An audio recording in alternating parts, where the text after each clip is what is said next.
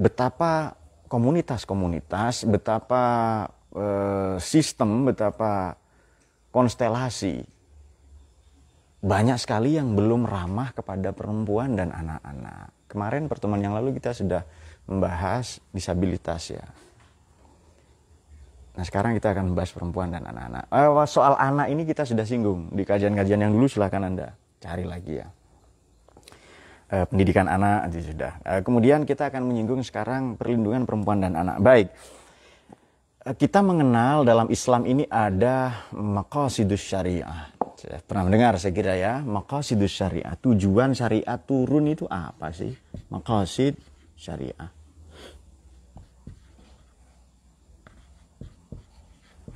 Jamaknya maksud ini maqasid.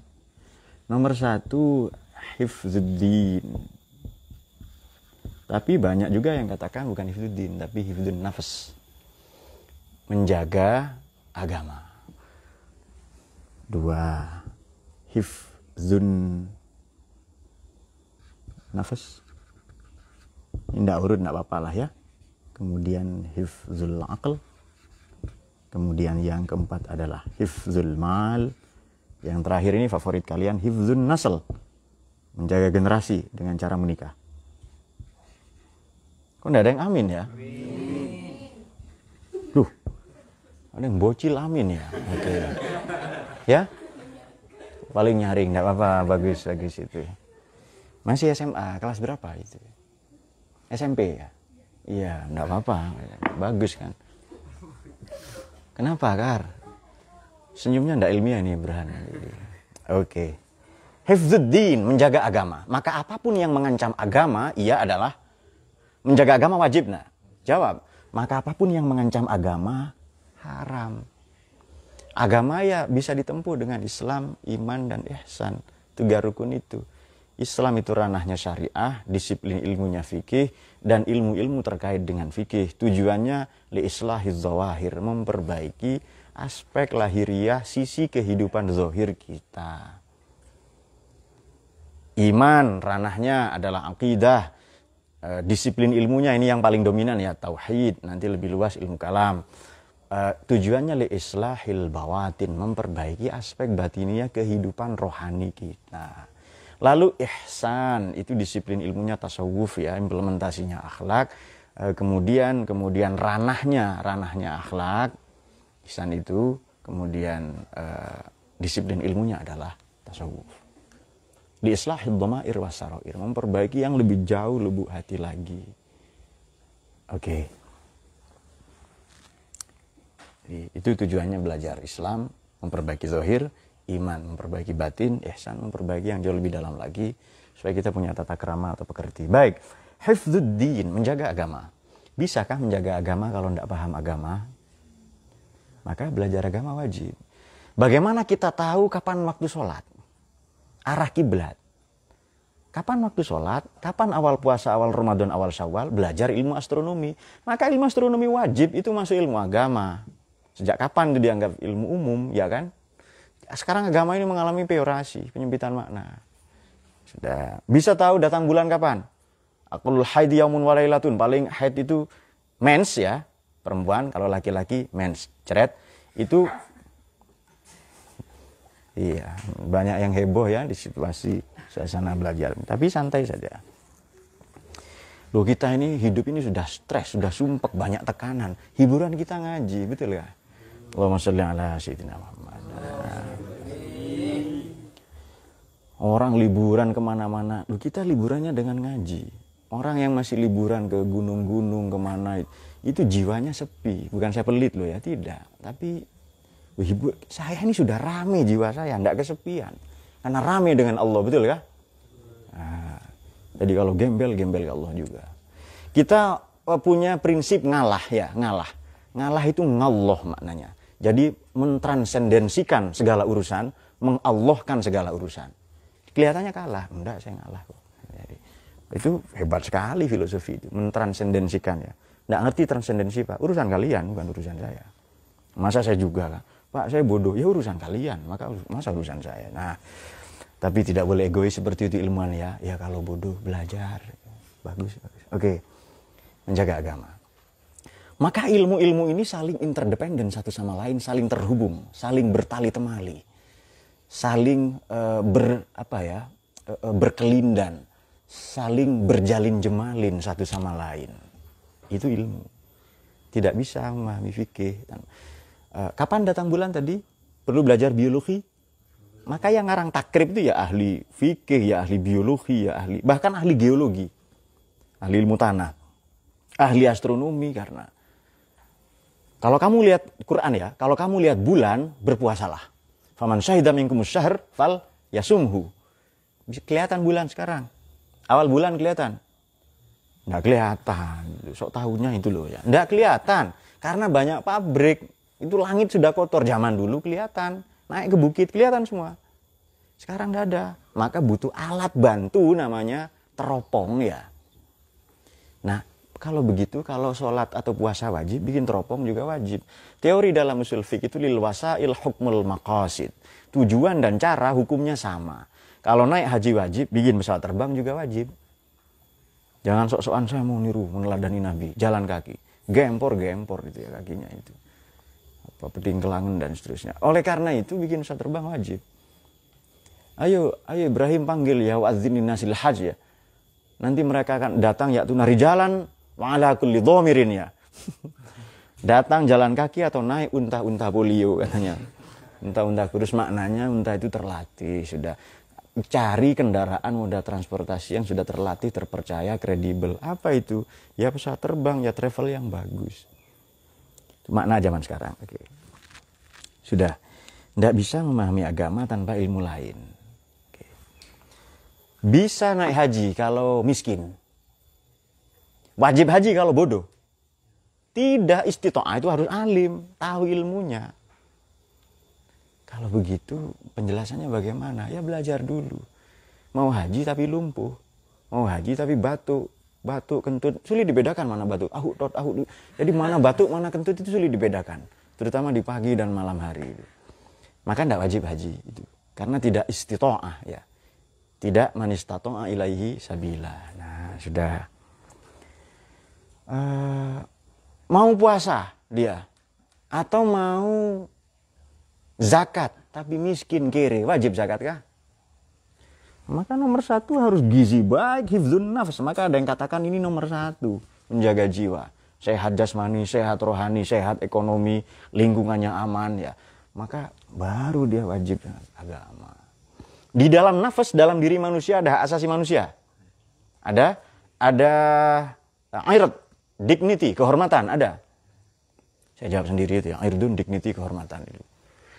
Kalau ada maka menjaga kemuliaan orang juga wajib. Makanya kalau dulu Allah Yarham Gus Dur membela Ahmadiyah Syiah, bukan agamanya, bukan keyakinannya, urusan pribadi itu masing-masing.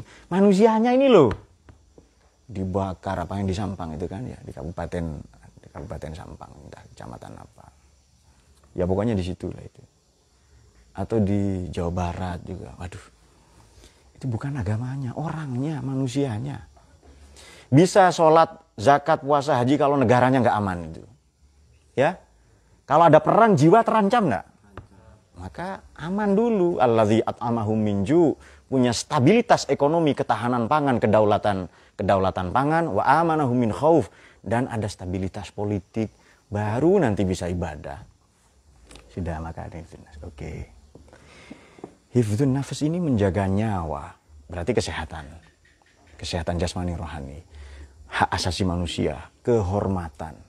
Kemudian, eh, maka apa pun yang mengancam nyawa, kan sampai ada ayat Quran itu kata katabna ala bani Israel man qatala nafsan bil ghairi nafsin aw fasadin fil ardi faka'annama qatalan nasa jami'a. Demikianlah telah kami putuskan satu perundang-undangan regulasi bagi bangsa Israel ya maknanya kita semua ya. Man qatala nafsan nafsin. Barang siapa membunuh satu orang bukan karena kisos, hukuman mati ya, koruptor apa, hukuman mati ya. Fakanna ma qatalan nasa jami'a. Seolah-olah dia membunuh seluruh umat manusia. Waman ahyaha barang siapa ngasih kehidupan, dia ngasih kehidupan kepada seluruh umat manusia. Ngasih cinta kasih ya kan. Kamu kok sedih terus, mukamu kok kayak orang lelah dari masa lalu ya banyak beban-beban dari masa lalu cemas masa depan kenapa kamu kurang gizi ya enggak pak saya kurang kasih sayang misalnya. oke langsung kasih sayang misalnya Duh. Ya. Allahumma sholli ala sayyidina Muhammad. Nah, oke, sudah. Hifdzul akal, menjaga akal. Apa pun yang mengancam akal haram. Contoh. Lama mikir, narkoba, minuman keras ya, game, video aflamul afarin, film-film porno itu. Bentuk jamak taksirnya. Film itu bahasa Arab, film. Film bahasa Arab. Bentuk jamaknya aflam. Porno itu bentuk jamaknya afarin. Saya ilmuwan, saya saya tidak bohong di ilmu ya. Dalam asmara ya tidak tahu, tapi dalam ilmu saya tidak pernah bohong. Apakah bisa salah? Salah manusia ya kan? Masa manusia tidak salah? Tapi dalam ilmu itu komitmen saya, saya tidak pernah bohong. Jadi kalau anda mau tahu kapan saya jujur itu ketika bicara ilmu.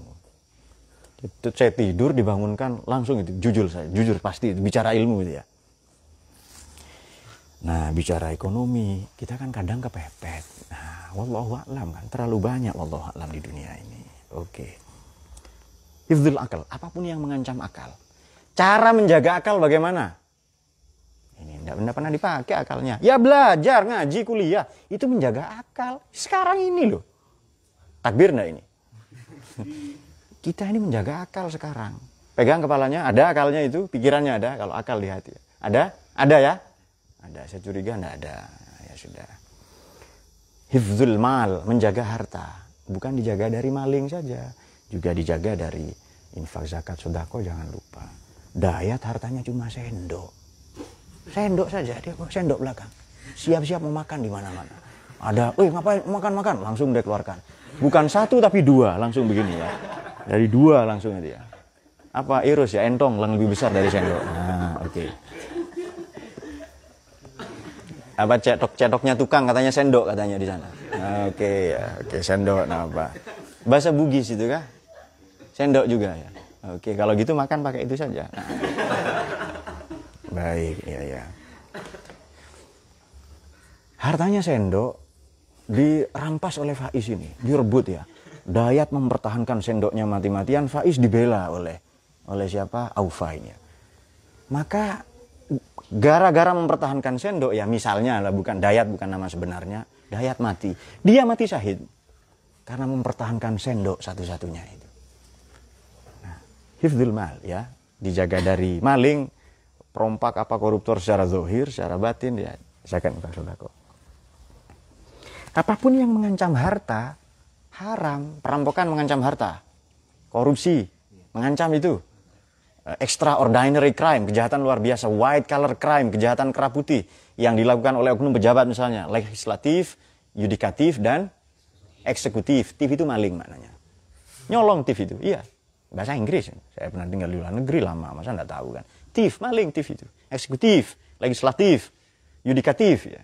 TIF-nya itu maling itu. Coba buka kamus kalau enggak percaya. Saya ilmuwan loh ya, saya ilmuwan ini, jadi saya enggak akan bohong di ilmu. Apakah mereka maling? Wallahu a'lam kita tidak tahu. Yang jujur juga banyak loh ya. Nah, jadi suatu ketika ada teman mau datang ke kontrakan kita waktu saya masih di Jakarta itu. Nah, motornya dikunci kan.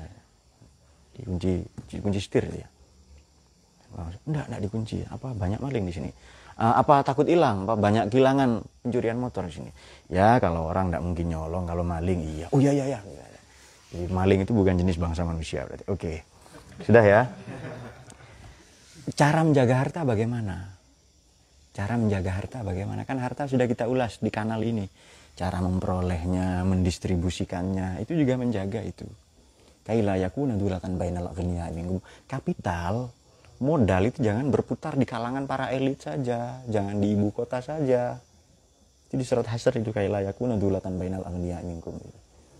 Kemudian eh, bagaimana cara menjaganya? Nah, tadi itu ya. Dari dalam dan dari luar. Oke. Okay. Hifdun nasal, menjaga generasi. Apa pun yang mengancam generasi, haram. Jadi kalau ada undang-undang di Indonesia, perlindungan anak misalnya, generasi, ini masuk ini dan ini ya. Nafas dan nasal. Menjaga anak, generasi, undang-undang itu meskipun pasal satu bukan Allah taala, pasal dua bukan qalan nabi, maka dia masuk syariat. Fahiyas syari'atu bi'ainiha. Sudah paham ya? Ini kelihatannya sudah ada wajah-wajah cerdas. Kalau paham disudahi ngaji ini, selesai. Nggak usah lama-lama cepat pintar nanti. ada pasal undang-undang yang sering debat di DPR itu loh. Memang anggota dewan pengangguran kerjaannya rapat. Eh sorry, memang kerjaannya rapat, saya ralat nggak nganggur ya. Ya kan kadang begitu kan ya. Mungkin ini sentimen pribadi atau apa ya, tapi wallahu a'lam bisawab ya. Kerjanya apa? Ya kerjanya rapat itu ya marah-marah. Padahal kalau masih ada yang yang mempertentangkan, membentur-benturkan Indonesia, Islam dengan negara misalnya, negara ini harusnya negara Islam. Nggak ngaji, nggak ngerti makosidus syariah itu. Coba Pancasila sesuai enggak dengan makosidus syariah itu? Ketuhanan yang Maha Esa sesuai dengan ini, Hifzuddin. Jawab sesuai enggak itu? Maka Pancasila syariat itu, syariat atau bi'ainiha. Fahyas syariat atau itu sudah jadi syariat.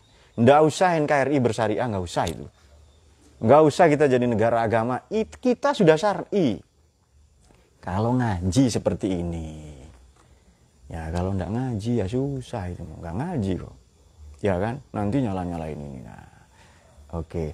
Hifzuddin menjaga agama, maknanya menghargai kebebasan beragama di luar, di dalam menghargai, merayakan kebebasan bermazhab dan berpendapat. Boleh beda mazhab itu. Nah, Allah ciptakan kita beda kok. Lau sya'a rabbuka la amana kullu man fil ardi jami'an. Kalau Tuhanmu mau, semua beriman padamu. Kalau Tuhanmu mau, akan dijadikan ummatan wahidatan. Tapi berarti Allah menghendaki kita berbeda. Maka beda itu niscaya. Perbedaan adalah keniscayaan. Segala bentuk yang yang mencederai kesera apa perbedaan itu maknanya keseragaman itu bertentangan. Itu namanya ahistoris. Bertentangan dengan sejarah, A religius bertentangan dengan agama, bertentangan dengan Quran. Quran maunya kita beda, nggak usah disama-samakan. Harus NKRI bersyariah. Seperti ormas yang sudah dibubarkan loh. Ini harus jadi negara Islam. Apa dari dulu kita dilarang sholat, zakat, puasa, haji? Silakan, nggak ada yang melarang. Bahkan dilindungi undang-undang itu Pancasila pasal 1 ayat pertama itu sila pertama dan turunannya banyak pasal itu. Ah, oke, okay, sudah. Hifdun nafas, sudah itu. Rumah sakit, pendidikan. Bisa ini bisakah memaknai hifdun hifdun nasal ini maknanya menjaga generasi ya salah satu caranya menikah ya terutama menikahi janda yang banyak yatimnya, Anda menjamin beasiswa si yatim itu. Kalau memang tidak ada panti asuhan di situ ya kan. Menikahi janda sunnah Rasul enggak? Jawab. Sunnah. Sunnah Nabi lakukan itu. Nur, jawab Nur. Ya, makanya. Terlambat jawab sunnah ya. Nah, karena ada dua konsep surga ya, jannatun naim di langit, jandatun naim di bumi. Oke. Okay.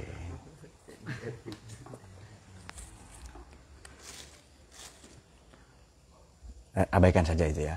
Ini pokoknya yang baik Anda ambil saja. Yang Anda tidak setuju, pikirkan saja. Namanya juga pendapat. Hifduddin. Baik. Sudah jam segini? Ya, kita langsung saja ke poinnya ini. Hifdun nafas dan hifdun nasal. Menjaga hak asasi manusia. Punya hak hidup kita. Ada hak berpolitik, hak berekonomi, hak menyampaikan pendapat. Kemudian ada lagi hak yang paling hak adalah hak untuk memilih agama berhak kita. Memilih keyakinan berhak bahkan tidak memilih juga berhak. Hargai itu. Kalau Anda memberikan penghargaan supaya orang lain riang gembira dengan warnanya masing-masing, maka sikap Anda sudah sesuai dengan syariat Islam. Monggo agamanya apa, mazhabnya apa. Bukan cuek ini, bukan. Kita menjalankan syariat namanya. Karena konstitusi syariat adalah memberi penghargaan kepada hak memilih agama, ya kan? Hak berpendapat berpolitik, eh, hak memilih suami atau istri atau tidak memilih apa pun atau memilih kategori ketiga LGBT itu urusan mereka kita yang penting hidup jangan diintimidasi si A bacok misal eh, ngaji makanya ya kan? Nah sudah. Nah sekarang kita akan fokus kepada hifdun nasl menjaga anak. Anak ini di Quran disebutkan dalam beberapa terma. Satu walat kadang disebut walid ya aulad ya sama. Walid ini usia kecil. Sobi gulam ibn bint tifl kemudian zurriyah mau'udah. Ini sebutan anak di Quran. Jadi dari tadi belum bicara baru pengantar itu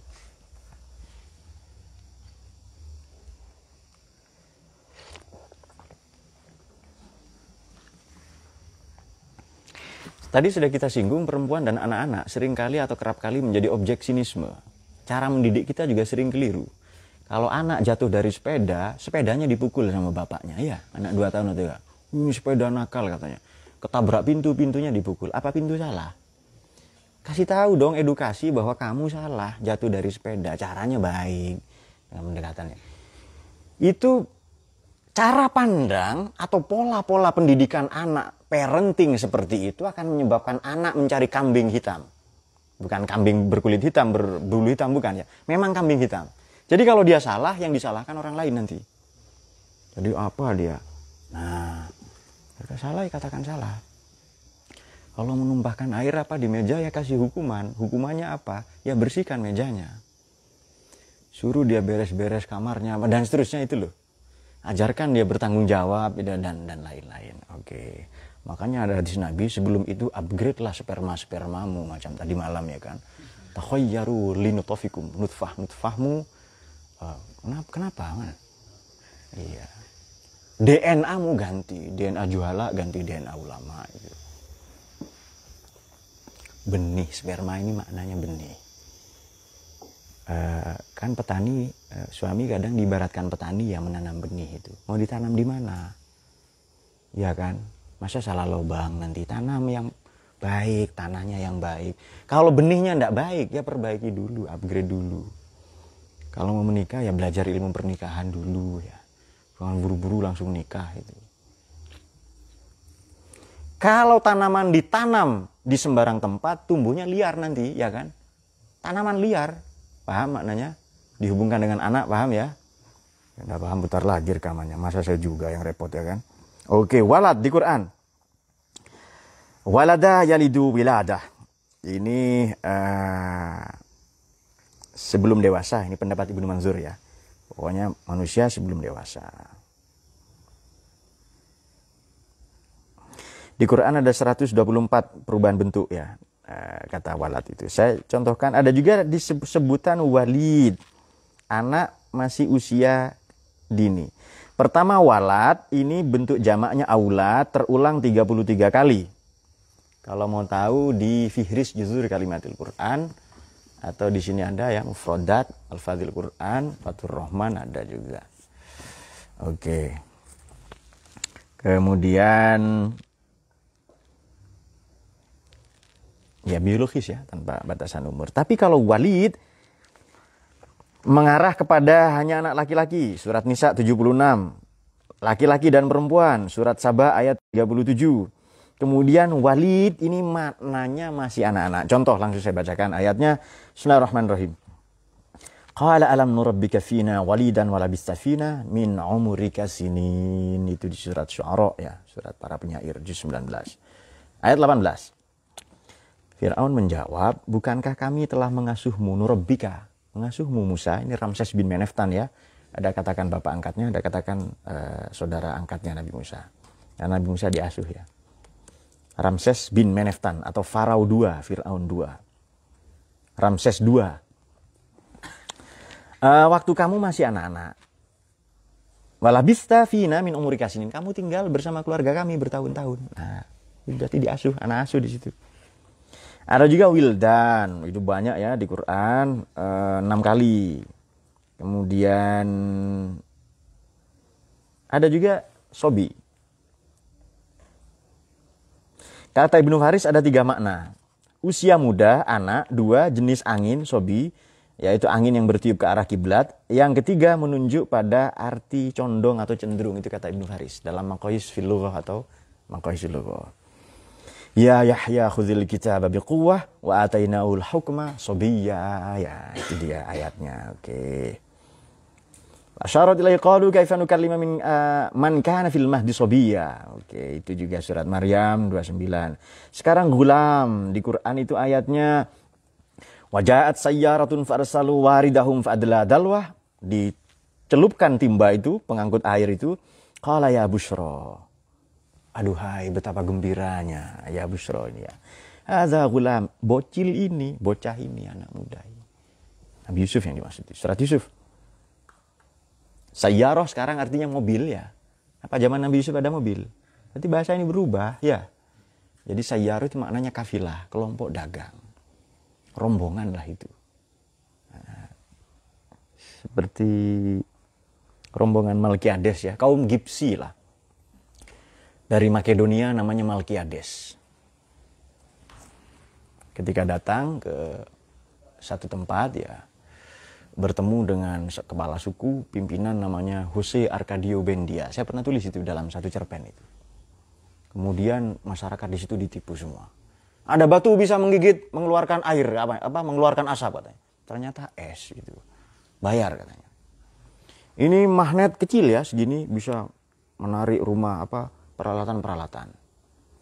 Saya masih punya benda ajaib yang bisa mengambil logam-logam di dalam bumi ini. Satu kereta katanya lalu dibeli oleh kepala suku namanya Jose Arcadio Bendia.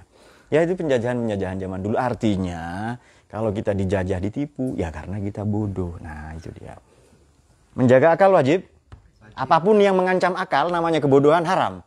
Bodoh haram sudah itu. Bodoh itu tidak syar'i sudah itu. Nah itu dia. Bertentangan dengan syariat Islam. Takbir nah ini. Nah, oke, okay. sudah. Berikutnya Ibn. Wah, ini banyak sekali. Saya kira teman-teman sudah tahu ya. Banyak sekali ayatnya. Lalu tifl, tiflun, kemudian zuriyah. Nah, satu lagi yang mau kita baca mau udah. Oke, ini tafsir Munir ya. Kemudian kita juga akan membaca tafsirnya uh, Imam Al-Mawardi ya, wafat 450 Anukat wal Uyun. Tafsir itu Jamul Akwal, kumpulan banyak perspektif. Juga kita akan tinjau dari tafsir-tafsir Ummahat, tafsir Indo. Bismillahirrahmanirrahim. Surat Takwir Idza syamsu kuwirat wa idzan nujumun kadarat wa idzal jibalu suyirat wa idzal ansharu utilat wa idzal wahushu husyirat wa idzal wa idzal biharu sujirat wa idzan nufusu zuwijat wa idzal mau'udah. Ini dia. Suilat. Nah. Jadi dari tadi mau bilang ini saja. Sebenarnya dari tadi mau ngomong ini saja. Jadi amma ba'du. Dari tadi saya belum bicara. Nah, amma ba'du ini sekarang baru bicara ini.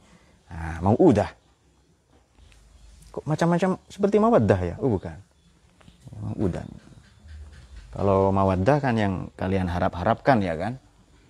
Nah, nun tanwin apa nun mati atau tanwin ketemu ba dibaca iklab. Masa aku ketemu kamu nggak langsung ijab kata Dayat itu. Muncul Maulana kan. Betul kah Burhan? Butlana ya. Apa nanti malam setoran hikam? Sudah siap ya? Uh, kalau belum siap ya nggak apa-apa, harus siap. Oke, okay, bismillahirrahmanirrahim. Idza syamsu kuwirat. Matahari digulung. Matahari ini bintang kecil ya. Ini kan cerita kiamat. Ada orang bertanya, "Pak, kiamat kok diulang-ulang?" Bukan hanya kiamat, perintah sholat diulang-ulang di Quran. Zakat, puasa, haji diulang-ulang ya. Berpikir diulang-ulang di Quran. Ah, begini, kalau saya mau anjurkan anak saya supaya dia tidak nakal, peringatan itu seharusnya sekali seumur hidup atau tiap hari. Berarti Quran ini ngajak dialog. Itu Quran ngajak dialog itu. Alaihissallahu bikafin abdah. Bukan kalau telah mencukupi hambanya. Alaihissallahu bihkamil hakimin. Amma yujibul mutara Siapa yang mengabulkan doa orang-orang yang kepepet? Ini Quran ngajak dialog. Gitu. Alam nasrah laka kepadamu Muhammad. Beliau sudah tidak ada ya berarti kepada kita. Maka bacalah Quran seolah-olah turun pada kita.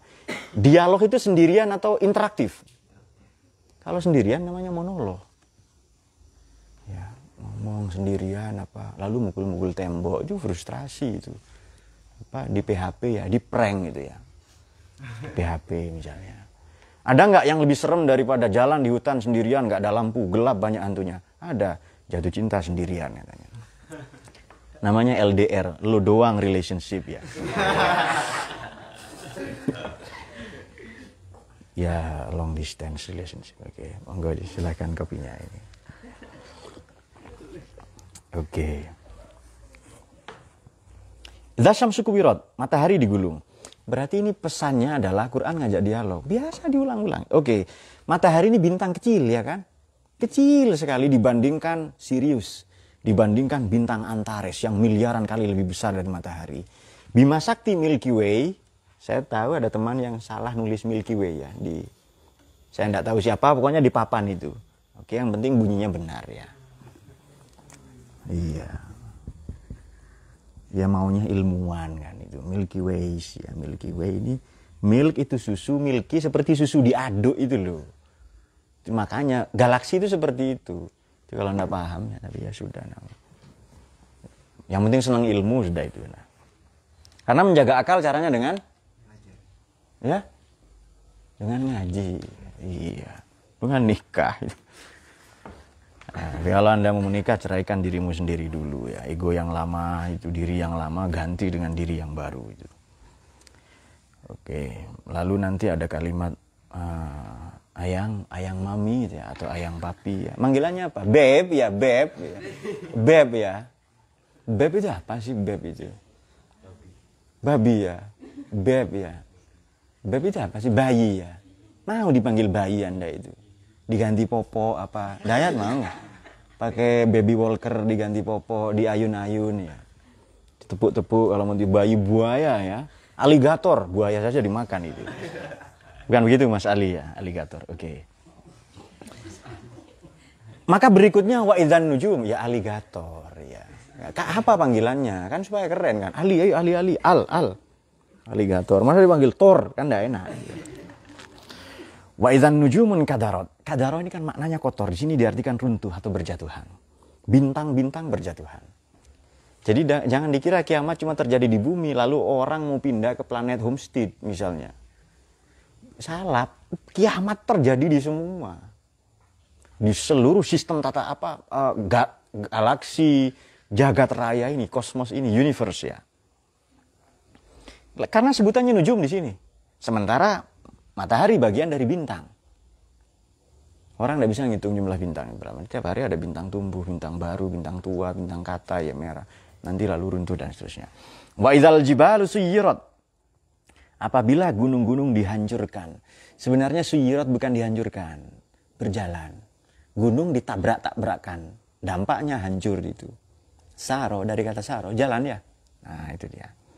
Wa idal ansyar uttilat dan apabila unta-unta yang bunting ditinggalkan tidak terurus. Ansyar ini dua atau tiga maknanya. Eh, jibal saya nggak urus. Ini singkat saja ya. Ansyar unta yang bunting sudah hamil tua 10 bulan Kemudian uh, kenapa kok Quran ngomongnya unta? Ikan kalau cerdas bertanya, woi unta kenapa ini? Kenapa? Unta bunting. Dulu harta yang paling mewah adalah unta bunting. Nah, coba kita buka tafsirnya sekarang. Kan tadi samsuku nujumun wita nujumun kadarot maknanya begini tafsirnya. Tasaqatat ala wajhil ard wa ibni Abbas anhum ini maknanya kekayaan yang paling berharga. Jadi unta bunting ini maknanya Anda punya aset berupa saham yang harga sahamnya sedang naik di Bursa Efek Jakarta. Di bursa saham. Nah, itu terjemahan sekarang harus gitu itu baca Quran itu. Jadi Anda punya misalnya properti yang harganya sedang naik. Punya cadangan emas yang harganya sedang tinggi-tingginya. Seperti itu kan. Kalau otilat maknanya utlah. Libur. Libur itu. Diabaikan semua. Ketika aset-aset seperti bagaimana sih rasanya ya, punya kekayaan seperti itu lalu ditinggalkan semua, diabaikan semua itu. Tidak terurus karena kiamat itu. Jadi kan ini kan pasti sangat disayang kan? Pasti sangat disayang gitu. Ya karena kayak apa ditinggal pas lagi sayang-sayangnya gitu dulu. Saya enggak paham. Ditinggal lagi sayang-sayangnya. Itu apa maknanya? Oke. Betul wahus husyirat binatang-binatang wahsyah ya surat dikumpulkan hasar ya dan bihar sujirat dan apabila lautan dipanaskan ya dan nufuzu wijat ini singkat saja nyawa-nyawa ruh-ruh ini dipertemukan dengan tubuh ini dibangkitkan atau begini bihar sujirat apabila lautan dipanaskan. Laut dengan sungai ketemu airnya. Jawab ketemu enggak itu? Ketemu namanya di muara ya. Tapi bercampur panah apa asin dan tawar? Tidak. Tapi nanti dicampur adukkan itu karena tabrakan yang sangat dahsyat itu. Maknanya begini. Uh, sungai ini maknanya adalah salah satu maknanya ya sungai ini mengalirkan sampah dan bangkai ya kotoran-kotoran dibawa ke muara Sama dengan sungai ini membawa harapan-harapan kita, doa-doa kita dibawa ke laut dan menjadi asin. Kalau doa menjadi amin gitu. Agak keren kalimat ini kayaknya ya. Saya sudah jarang berpuisi, mantan penyair lah ya. Jadi kutitipkan rinduku pada sungai agar bertemu laut ya, tempat di mana doa-doa menjadi asin dan menjadi amin itu. Itu karena dia mukmin. Kalau mukmin dia punya iman, tempatnya lingkungan bekerja berada aman, kalau dikasih tanggung jawab dia amanah, doanya amin ya. Nah, itu dia. Allahumma sholli ala sayyidina Muhammad. Oke, itu tadi juga belum bicara. Sekarang amma ba'du. Wa idzal udah suilat. Udah ini maknanya benda yang ditimbun, makna harfiah. Makna harfiah. Jadi kita buka kamus ya, muka seluruh tentang tamyiz, Furad al-Fadlul Quran. Kamus-kamus itu buka, maknanya benda yang ditimbun. Benda yang ditimbun itu ditanya. Apa benda yang ditimbun? Kita buka salah satu tafsir. Uh, itu anak saya kan nonton video saya kadang. Itu saya dikritik. Kalau membaca jangan tafsir, jangan baca tafsir saja biasa. Ini bocil sudah membuli bapaknya kata saya. Oke. Okay. Wa idal bin apabila anak perempuan bin ya. Nah, udah ini maknanya ke sini. Eh, eh, eh. wa idzal bin al madfunah yang ditanam dikubur maknanya hayatun dalam keadaan hidup-hidup suilat ditanya liman dafana fil qabr wa ya hayatun dalam keadaan hidup ya bi ayyidan bin qutilat ayyadzalik kana qila lil maudah ini dibunuh dalam rangka apa karena dosa apa dia dibunuh oke okay. nah, dulu orang Arab ini malu saya saya baca ya satu tafsirnya Imam Al-Mawardi An-Nukat wal Uyun Sembari lalu kalau ada pertanyaan saya persilahkan. Apa sudah ada pertanyaan?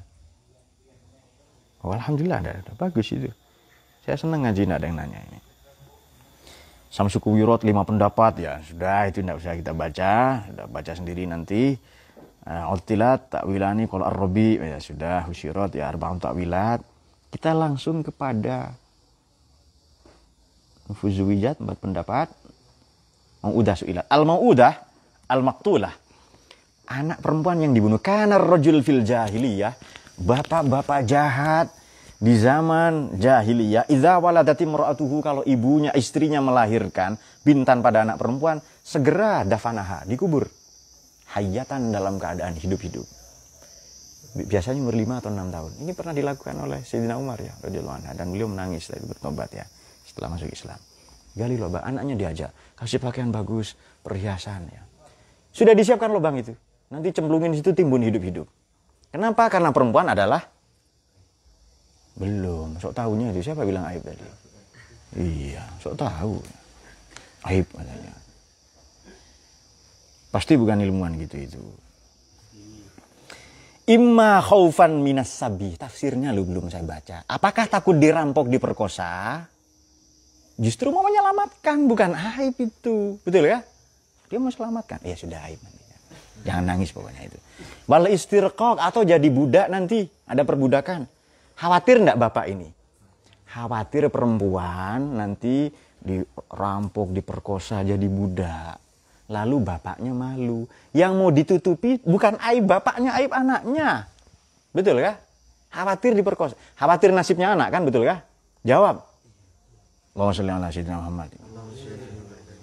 Lapar kalian ya makan masa urusan saya juga makan kan wa imma imma pertama. Imma kedua ini kata Imam Al-Mawardi ya dalam An-Nukat wal Uyun wafat 450 imma khasyatul faqr wal imla. Kadang juga takut miskin. Nasibnya anak yang dipikir ini. Jadi kehormatan dignity al-bi'ah hifdun nafas versi jahiliyah adalah membunuh anak perempuan. Sudah. Eh. Wa kana syaraf minhum yamtani'una min hadza wa yamna'una minhu. Hatta iftakhara al-farzdaq faqala. Wa minna alladhi mana'al wa'idat fahyal wa'ida falam ini ini. Kalau tidak ada farzdaq tidak ada sastra Arab itu ya. Oke. Okay. kenapa dikasih nama mau'udah lithiqal allazi 'alaiha minat turab wa minhu qawluhu ta'ala wa la ya'uduhu hifzuhuma. Nanti berat menjaganya. Itu dulu katanya anak perempuan itu. Wa qala mutammim bin uh, Nurairah. Nah, Oke. Sekarang bandingkan dengan aborsi. Aborsi itu untuk menutupi malu orang tuanya atau anaknya? Jawab. Jahiliyah modern lebih berbahaya. Jahiliyah lama, bayi katakanlah bayinya ini ya kan gendong gendong bayi ya. Ini nasibnya si bayi ini loh yang dipikir. Kalau jahiliyah sekarang nasib emaknya, nasib bapaknya yang dipikir. Takut malu. Di Mojokerto beberapa tahun yang lalu ya, mungkin tahun 2010 atau 11, saya baru pulang itu ke Indonesia itu. Itu bayi ya hasil aborsi tentu saja dimasukkan ke tong lalu dicor. Nah, itu dia. Ya ketahuan sama polisi. Polisi kita kan hebat di situ. Nah, kalau ke koruptor tidak terlalu hebat KPK juga ya.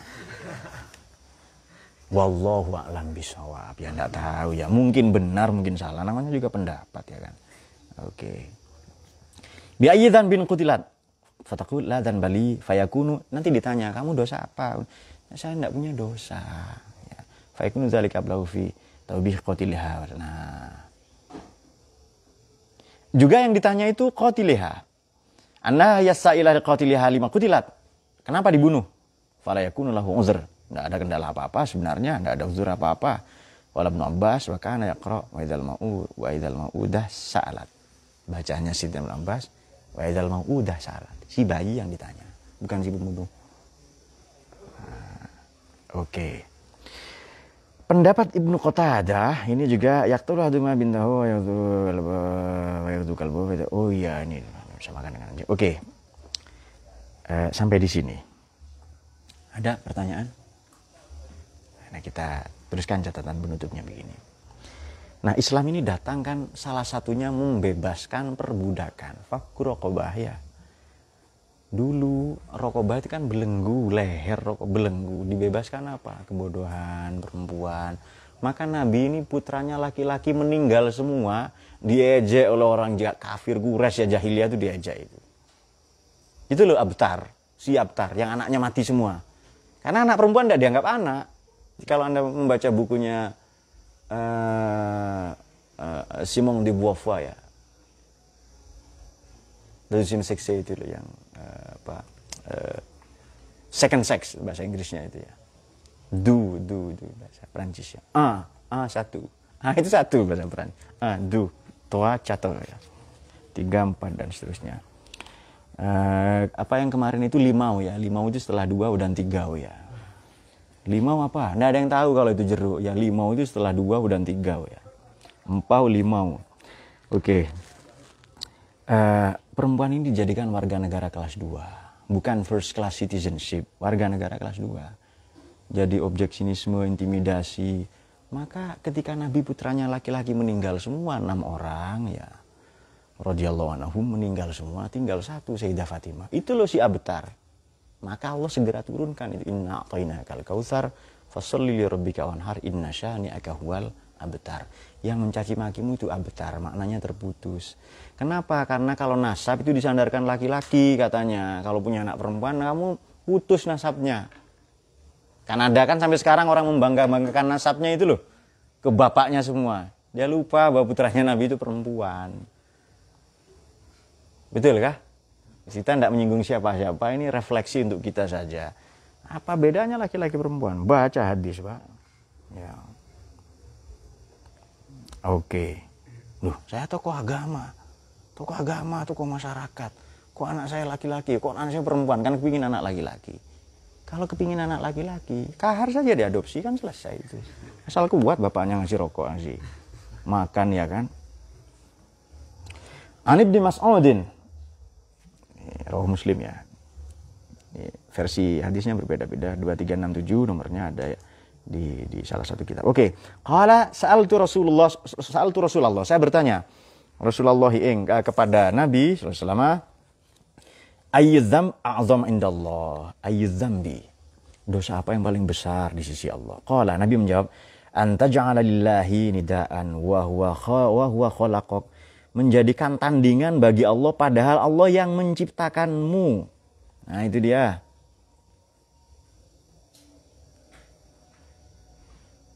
Sudah. Kemudian qultu lahu faqala katakan ya eh, berkata lagi qala qultu lahu ya aku bertanya lagi kepadanya inna dzalikal azim itu di sisi Allah besar sekali. Kan dosa besar kan ya. Kultu summa ai. Saya bertanya lagi. Ini kata Abdullah bin Mas'ud ya. Saya bertanya lagi. Saal tu Rasulullah ya. Saya bertanya ke Nabi tadi itu. Summa ai. Apalagi Nabi? Beliau Nabi menjawab. Summa antaktula waladaka makhofatan ayat amama'ak. Kamu membunuh anakmu karena kamu takut ngasih makan. Persis seperti yang dikatakan Imam Al-Mawardi dalam tafsirnya tadi itu. Oke. Okay. Summa ai kultu kata Ibnu Mas'ud ya radhiyallahu anhu bertanya, apalagi Nabi qala summa antuzani halila tajarika. Kamu berzina dengan istri tetanggamu. Nah, roh Muslim. Oke. Okay. Itu masuk dosa-dosa besar. Jangankan anak kita, kita itu loh Allah yang ngasih makan. Allah ini ngasih makan, yang ngasih suaka ekonomi apa semuanya ya Allah sendirian. Kita tidak ikut iuran. Penciptaan alam semesta apa kita punya iuran itu? Saya iuran batu bata loh ya. Satu sak apa satu apa seribu itu apa saya bisa seribu pokoknya. Satu rate ya satu truk gitu. Nah, lima ribu. Satu saja kita tidak ikut iuran apalagi.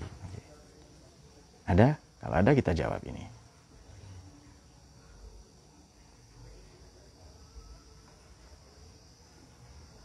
Bismillahirrahmanirrahim. Indra Yusepa Apakah umat ini saya dipanggil Yai Nama saya bukan Yai ya ada juga ini masih belum seberapa saya dianggap tas nama saya tas itu. Izin tanya tas loh. Nama saya bukan tas. Apakah umat manusia dan baik Mas Indra Yusepa yang berbahagia apakah umat manusia dan Nabi sebelum Nabi Muhammad hadir di dunia juga bersahadat? Bersahadat. Bersahadat. Ya kepada nabinya masing-masing. Dan di Quran diceritakan bahwa para nabi tahu akan ada nabi yang terakhir ya kan Para nabi itu yang arifunahu mengenal Nabi Muhammad kama yang arifuna abnahum. Seolah-olah kenal anaknya sendiri. Para nabi ini sempurna ya, jasmani rohaninya itu. Semuanya, kecerdasannya semua paling sempurna itu. Nah, ciptaan Allah terbaik para nabi itu, terutama nabi kita. Sudah itu kenal anaknya. Jangankan orang yang orang tunanetra saja kenal nggak ke anaknya itu. Tunanetra buta, kenal nggak? Kenal ke anaknya dengan suaranya, tahu batuknya ini batuknya ini ya batuknya Hafiz begini ini. Apa sama batuknya Hafiz dengan siapa? Bagas. Kan beda kan? Kenapa? Ada yang salah Nur? Ada yang salah pernyataan saya? Tidak ada. Ya makanya. Hafiz tua pak. Kakek-kakek Bagas bocah. Bukan itu. Itu tafsir anda sendiri. Gitu itu. Oke kita buka lagi. Oh sudah ya tadi ya.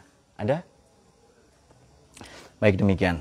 Uh, jadi Islam ini datang untuk memuliakan perempuan anak-anak. Nah sekarang kita harus sebanyak sesering mungkin mengkampanyekan perlindungan anak dan perempuan. Ya saya tidak nyebut siapa ya, ada tokoh agama, istrinya diceraikan, ini bukan menggosip ya. Dijelek-jelekkan, karena dia sudah dapat yang baru, ini sudah turun mesin katanya.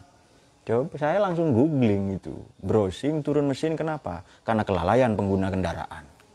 Iya kan? Apa motornya yang lalai? motornya lalai ke dirinya sendiri itu. Berarti turun mesin ya karena kelalaian pengguna kendaraan sebenarnya. Tapi ya Allah alam ya. Nah mari kita belajar memuliakan perempuan. Pepatah Arab menyatakan kul dzati seda'in kholatun. Setiap yang pakai BH adalah bibi. Maknanya apa? Bibi itu anda aniaya, anda perbudak. Bibi diperbudak enggak? Tante itu. Sorry bukan tante-tante ya. Sorry bibi ya. Dihormati enggak bibi itu? Bibi ini saudara bapak kita, saudara ibu kita kok. Ya kita muliakan. Bagaimana memuliakannya? Ya diberikan hak-haknya ya dan seterusnya. Jadi seharusnya ya perlindungan seksu perlindungan seksual ya apa semua yang berhubungan dengan perlindungan anak dan seterusnya harus sering mungkin kita kampanyekan. Bagaimanapun anak-anak ini sabda Nabi ya adalah uh, apa uh, alimu auladakum fa inna auladakum makhluquna li zamanin ghairi zamanikum. Didiklah anak-anakmu milenial zilenial itu karena anakmu generasi yang berbeda dengan generasi kalian. Sudah ya? Allah yafikina ila sabil anbiya mursalin Bismillahirrahmanirrahim Allahumma rahamna bil Qur'an Waj'alhu lana imaman wa nuran wa huda wa rahmah Allahumma zakirna minhuma nasina wa allimna warzuqna tilawatahu ana al-laili wa atrafan nahar